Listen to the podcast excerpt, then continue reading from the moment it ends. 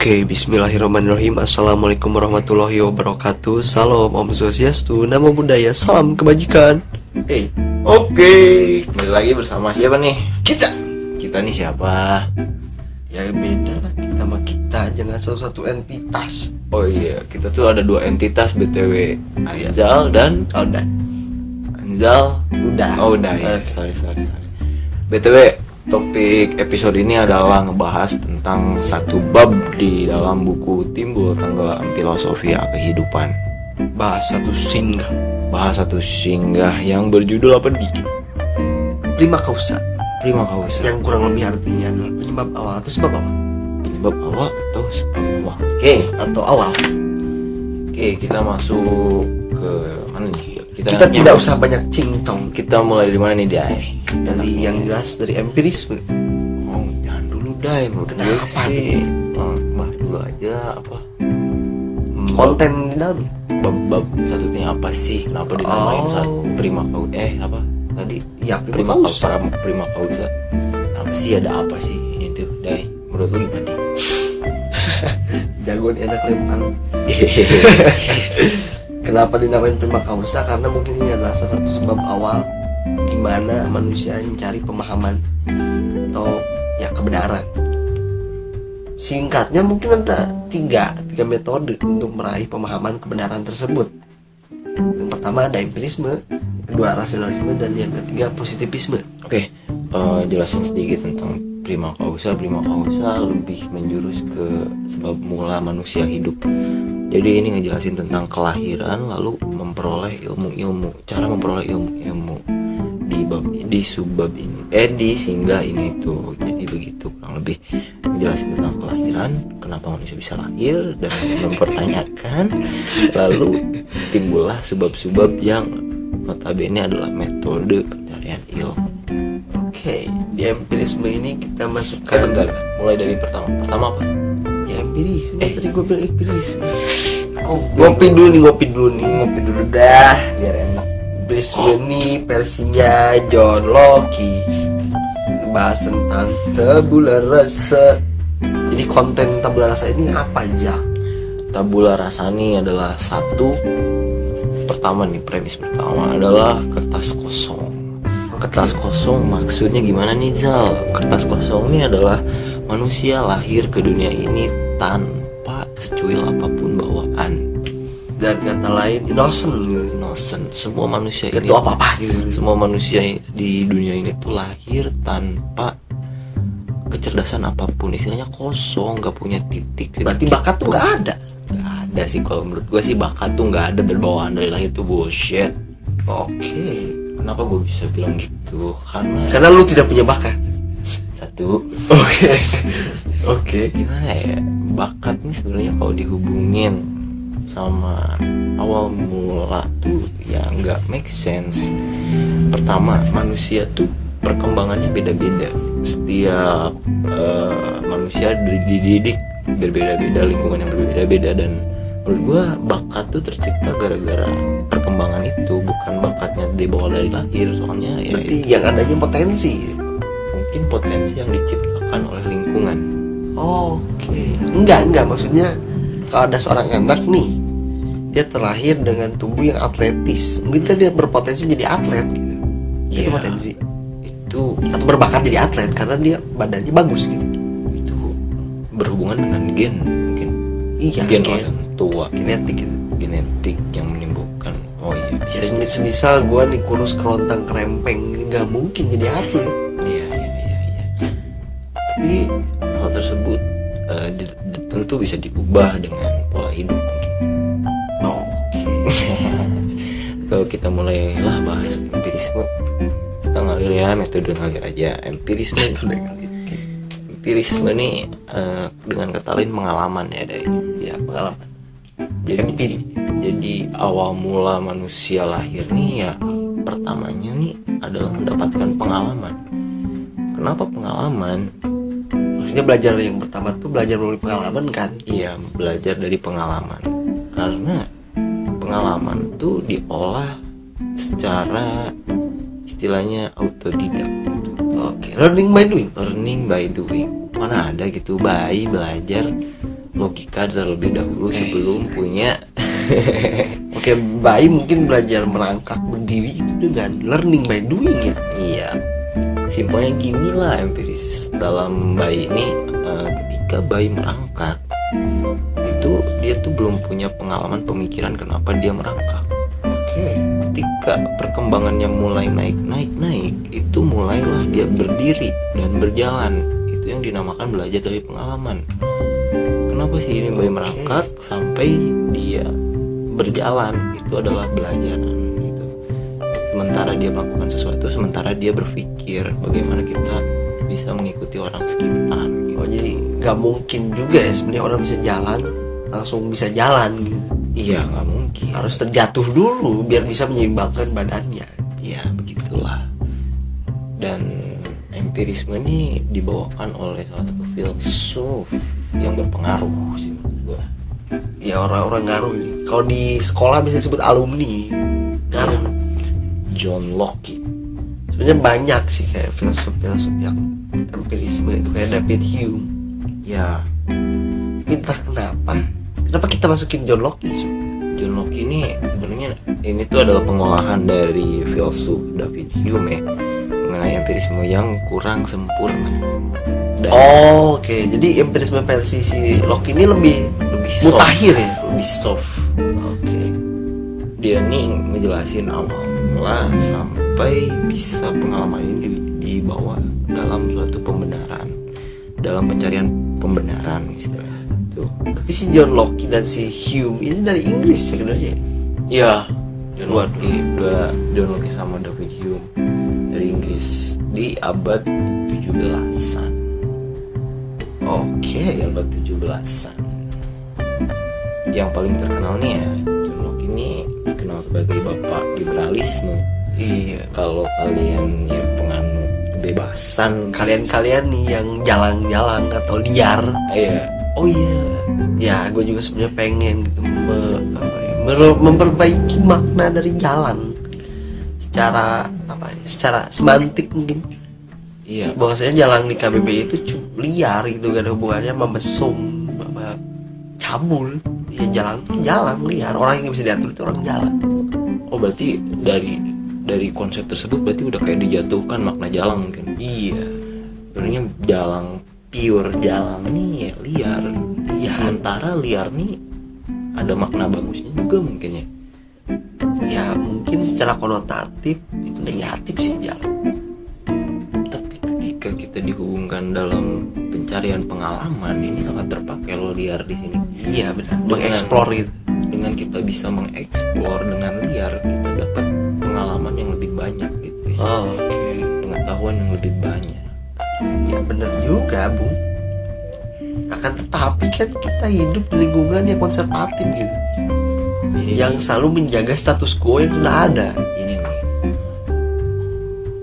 Kita nih bingung juga nih kenapa kita nih sulit banget buat progresif berpikiran untuk bisa menyama menya apa berpikiran secara terbuka gitu tentang perbedaan yang terpaku dalam bidang-bidang konservatif sih. Gimana gini bu? Maksudku adalah gimana caranya orang-orang kita berpikir secara terbuka sedangkan dia ngelihat yang terbuka dikit caranya udah sempit gitu.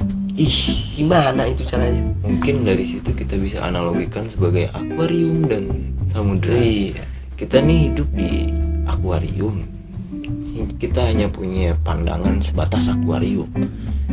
Tapi akuarium ini tuh nggak ada apa-apanya di samudra. Iya maksudnya seluas-luasnya akuarium sih atau segede-gedenya SeaWorld ya taman bermain gitu. Gak akan bisa kalahin samudra. Samudra Atlantik. Pasti pasti lebih kecil ya. Eh Iya. pasti lebih besar. Iya. Oke kita back to topik Hmm, mau bahas tentang tabula rasa. Masih tabula rasa kita yang bermakna secara definitif yaitu kertas kosong.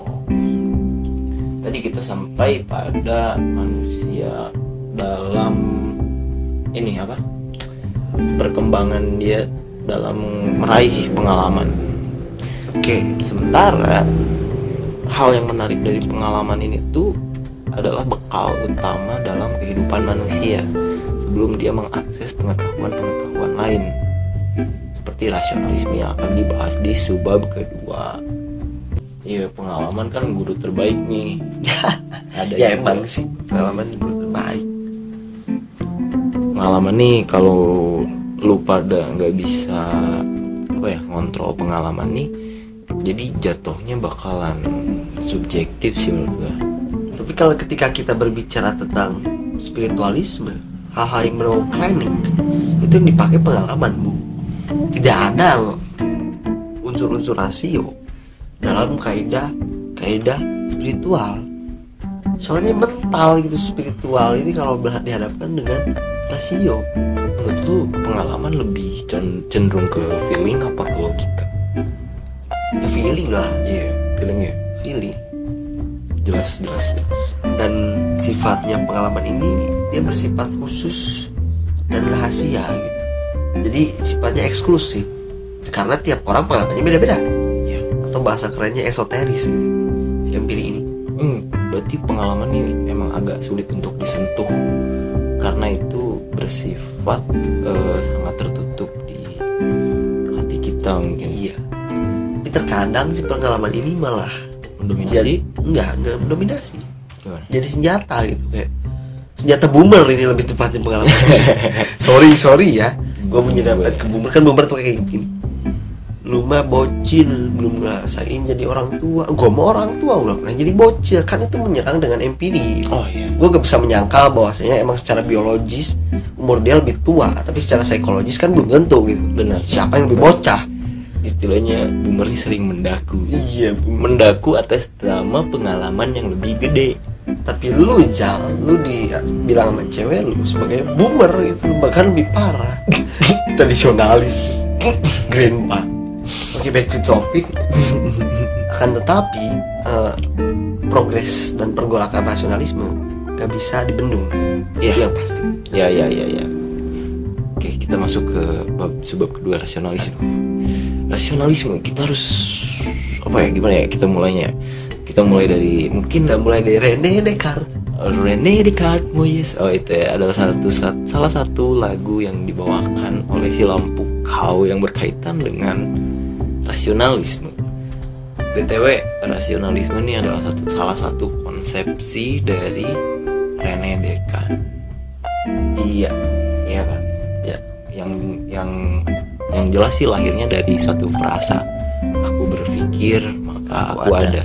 I think therefore I am cogito ergo sum. Iya. Itu dan sebagaimana selayaknya orang-orang Frozes gitu disebutinnya susah gitu secara teks gitu. Rene Descartes. Tapi ketika dibaca Rene Descartes gitu kan ngeselin orang Prancis ini. Oh iya, iya. btw Rene Descartes Descartes ini adalah salah satu bapak bapak. Filsafat modern. Bapak filsafat modern. Iya dia bapak filsafat modern bung.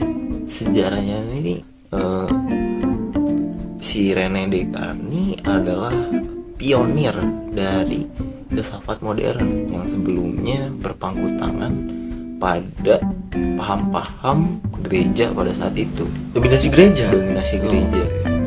Sedikit bicara tentang ini eh, dulu tuh adalah gereja ini mendominasi dan harus ditekankan di abad pertengahan ya di Eropa. Di abad pertengahan Eropa. Harus ditekankan nilai-nilai agama berdasarkan gereja yang ada. Otoritas gereja yang ada gitu otoritas gereja yang ada. Dan di sini Rene Descartes membawakan konsep cogito ergo sum supaya orang-orang berpikir bahwa ini tuh bukanlah suatu kebenaran. Oh, dan tambahan lagi si cogito ergo sum ini ibaratnya antitesis dari tesis sebelumnya yaitu credo ergo sum. Aku percaya maka aku ada. Di counter lah dengan aku berpikir maka aku ada. ya Dan berbicara tentang Rene Descartes tentu kita juga akan berbicara tentang skeptisisme. Apa sih skeptisisme? Itu ya suatu paham ideologi tentang bagaimana tentang skeptis. Apa itu skeptis? Simpelnya skeptis itu meragukan. Kita kita harus menuntut bukti objektif dari suatu objek suatu realitas suatu hal. Kita tuntut buktinya. Dan kita ragukan semuanya. Hal yang pertama kita harus lakukan adalah meragukan semuanya.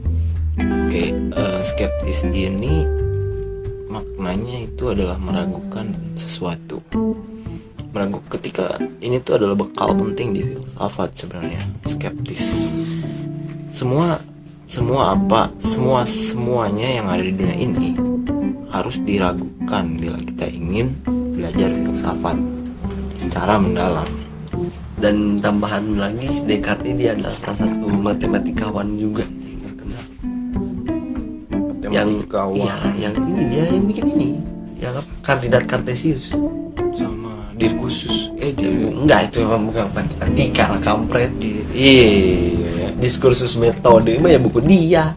Diskursus tapi dia loh yang bawain metode diskursus. Kan ngomongin matematika. Eh eh iya. Sorry sorry sorry sorry saya belum ngopi. Dia tuh emang matematikawan jago sih ya. Bisa disebut jago sih ya. Soalnya dia termasuk overpower nih dia filsafnya overpower deh. paling apa ya jadi kiblat matematikawan pada abad modern gitu. Dan si Descartes ini dia pernah menyentil tentang yang namanya pineal gland.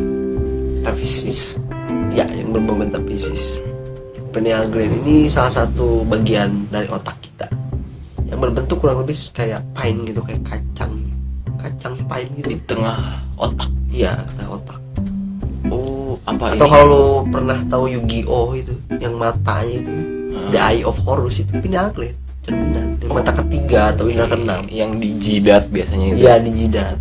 Apa ini bisa dihubungin sama ini gak sih? Eh, atau cakra ajna versi. budaya India yang suka nempelin merah-merah di oh jidat. bisa, bisa. Soalnya itu atau Bali pakai beras. Ya pakai beras. Mungkin manifestasinya gitu. Soalnya banyak loh yang membawakan apa sih itu namanya? Pineal gland budaya yang ditempelin di jidat gitu. Secara kasarnya gue nggak tahu ya namanya kan di agama kita juga ada budaya tempel jidat ya kalau sujud sampai hitam dua biji. Oh iya itu butuh membuka pineal gland barangkali kagak kagak itu itu dia dia so- sorry ya. Itu dia kayaknya sholat. Jadi dia sholat tapi nggak pakai sejadah itu bedanya udah. Eh. Yang itu. mungkin dia di, da- dikerikil bisa jadi. Yang yang udah. Skip, skip, oke udah udah udah deh atau versi Buddhisnya itu yang kalau orang Sunda bilang itu balak genep. Yang versi Buddhisnya enam biji kepada betapa yang suka ada banyak di Thailand di Grand Palace dan lain sebagainya. Eh, rasionalisme ini tuh masuk ketika anak di dalam buku ini masuk ketika anak udah masuk sekolah anak udah bisa mengolah suatu pemikiran itu pasti di zaman zamanan SD lah mulai mulai berpikiran. Kenapa sih saya punya ibu? Kenapa saya bisa punya bapak? Bapak saya siapa? Istilahnya gitulah pertanyaan-pertanyaan receh yang di nggak receh bung itu filosofis. Oh iya, receh tapi filosofis. Itulah pengolahan pengalaman kayak kemarin kayak istilahnya kita ngelihat kucing tiduran kenapa bisa tiduran? Oh mungkin dia capek gitu oke I think that's enough. Mari kita berangkat bermigrasi ke positivisme. Yang dibawakan oleh Auguste Comte bapak sosi bapak sosiologi dunia. Bapak sosiologi dunia. Btw eh, Auguste Comte ini yang memisahkan antara filsafat dengan sosiologi nggak sih? Bukan memisahkan filsafat dan sosiologi mengeluarkan sosiologi dari filsafat dari ranah keilmuan filsafat oke. Ya positivisme ini metode pengumpulan data kebenaran dengan menggunakan panca indera dengan fakta-fakta ada fakta-fakta yang ada. Namun yang namanya kajian filsafat atau filsafat minusnya itu pengukuran. Filsuf itu cuma mengamati mengobservasi membuat kesimpulan tapi tidak melakukan pengukuran. Karena pengukuran adalah mungkin ranahnya sains gitu. Berhubungan juga ya sosial eh apa tadi Eh, penelitian dan sains dan Iya. kronologi kronologi yang ada berdasarkan fakta. Sains bisa disebut ilmu tetap gak sih? tetap ilmu pasti gitu Ilmu pasti, ya pasti eksakta. ilmu ya ilmu konkret gitu Jadi hubungan hubungan antara filsuf dan saintis nih filsuf lebih memberi gambaran besar mungkin ya ya gambaran abstrak gambaran abstrak dan bisa diukur oleh saintis. Ya yang ukur itu saintisnya. Oke. Saintis tuh ya emang beneran langsung kayak mencorong gitu ya. Kayak lebih apa ya lebih lebih terpusat dalam suatu pengukuran atau mungkin satu pengukuran satu skala. Satu skala. Gitu. iya. Alright, alright. kurang lebih seperti itu sih bu btw eh, positivisme ini adalah ranah pencarian suatu kebenaran. Dan ketiganya juga ketiganya pun adalah satu ranah pencarian kebenaran. Pencarian pemahaman agar bisa ke depannya menjadi suatu kebijaksanaan gitu. Kalau positivisme kita diajarkan untuk memahami berdasarkan fakta-fakta yang ada berdasarkan pengamatan yang ada berdasarkan panca indera yang kita amati bisa lihat dirasakan atau mungkin kita cium aromanya itu aroma aroma smells like bullshit. Jadi kita harus berpaku pada fakta-fakta. Bila kita membahas positivisme karena berkaitan dengan panca indera kita. Tentu panca indera tidak bisa dibohongi. Gitu aja sih. Oke. I think that's enough about positivism. Ada lagi kan nih Dai? Tentang apa ya positivisme nanti. Sintesis itu maksudnya ke kritis kan? Kritisisme. Kritisisme yang bakalan dibahas nantilah di episode selanjutnya. Kita ada 30 menit 30 menit atau mungkin 25 menit nggak terpaku sih. Tetap tidak perlu ya iya. Hmm, sosiologi. Sosiologi sama konten tadi ya? Iya sosiologi. Oh iya filsuf positif. Iya oh kom komte menolak ajaran metafisika. Iya dia menolak metafisika. Penyebab utama atau prima causa dan lain tidak dengan iya si Komten ini menolak bab satu. Bab satu kita kan kamus ya tapi kita masukin di situ. Oke. dan kita simpen di ending. Soalnya emang komte harus berdasarkan fakta-fakta. Metafisika tidak berdasarkan panca indera. Itu sih yang dipercaya oleh Agustin kan sejak kapan metafisika pakai panca indera gitu. Secara praktiknya gitu metafisika pakai panca iman. Panca indera. Oke. Kita panca kredo oke. Ya kurang lebih begitulah. Gitulah bab bab bab satu atau singgah satu. Ada ada lima bab lagi sih yang pengen kita bahas ke depannya. Tapi itu ada di singgah dua. Dua tiga empat lima dan enam. Gitu saja sih tambahan bu? Eh gini sih tambahan gue buat bab satu. Pesan gue dari bab satu. Ketika lu mencari suatu pemahaman lu harus bersih apa ya berpikir secara objektif. Jangan cuma dari satu sumber atau istilahnya lu cuma lihat dari suatu fakta-fakta yang ada. Tapi lu harus mempertimbangkan pengalaman dan rasionalisme lu. Istilahnya lu dapet suatu amatan lu ukur lewat rasionalitas lu dan pengalaman lu. Kenapa bisa begitu? Oh jadi semacam empirisme dan nasionalisme digabungkan ya? Nah ya itu digabung. Ya itu masih kan anjir. Ya sih kan kan yang dia sebut. Enggak bukan yang kritisisme dia istilahnya idealisme transendental. Oh, iya, iya. yang menggabungkan rasio dengan empiri gitu. Ya ya ya. kayak misalkan ketika lu melihat suatu fenomena yang ada lu harus ngelihat itu dari sudut pandang yang berbeda-beda istilahnya gitulah. Atau dengan perspektif yang berbeda Iya. dengan banyak gudang-gudang perspektif yang berbeda. beda-bedain perspektif supaya lu tuh nggak gampang dimatiin argumennya gitu. Iya. Sih itu sih dah ada temannya ada menurut lu? Gimana nih? Dari gua nih. Yoks. Yoks. Babset udah gamblang sih. Gitu udah gamblang banget. Ya nah, udah. Oke. Kita tutup yuk. Tutupnya gimana ya kita ya? Enaknya tutup aja. Yuh. Wah, kita, kita tutup ya. gua Terima kasih. terima kasih telah mendengarkan. Gua ada dan Anjal. selamat datang.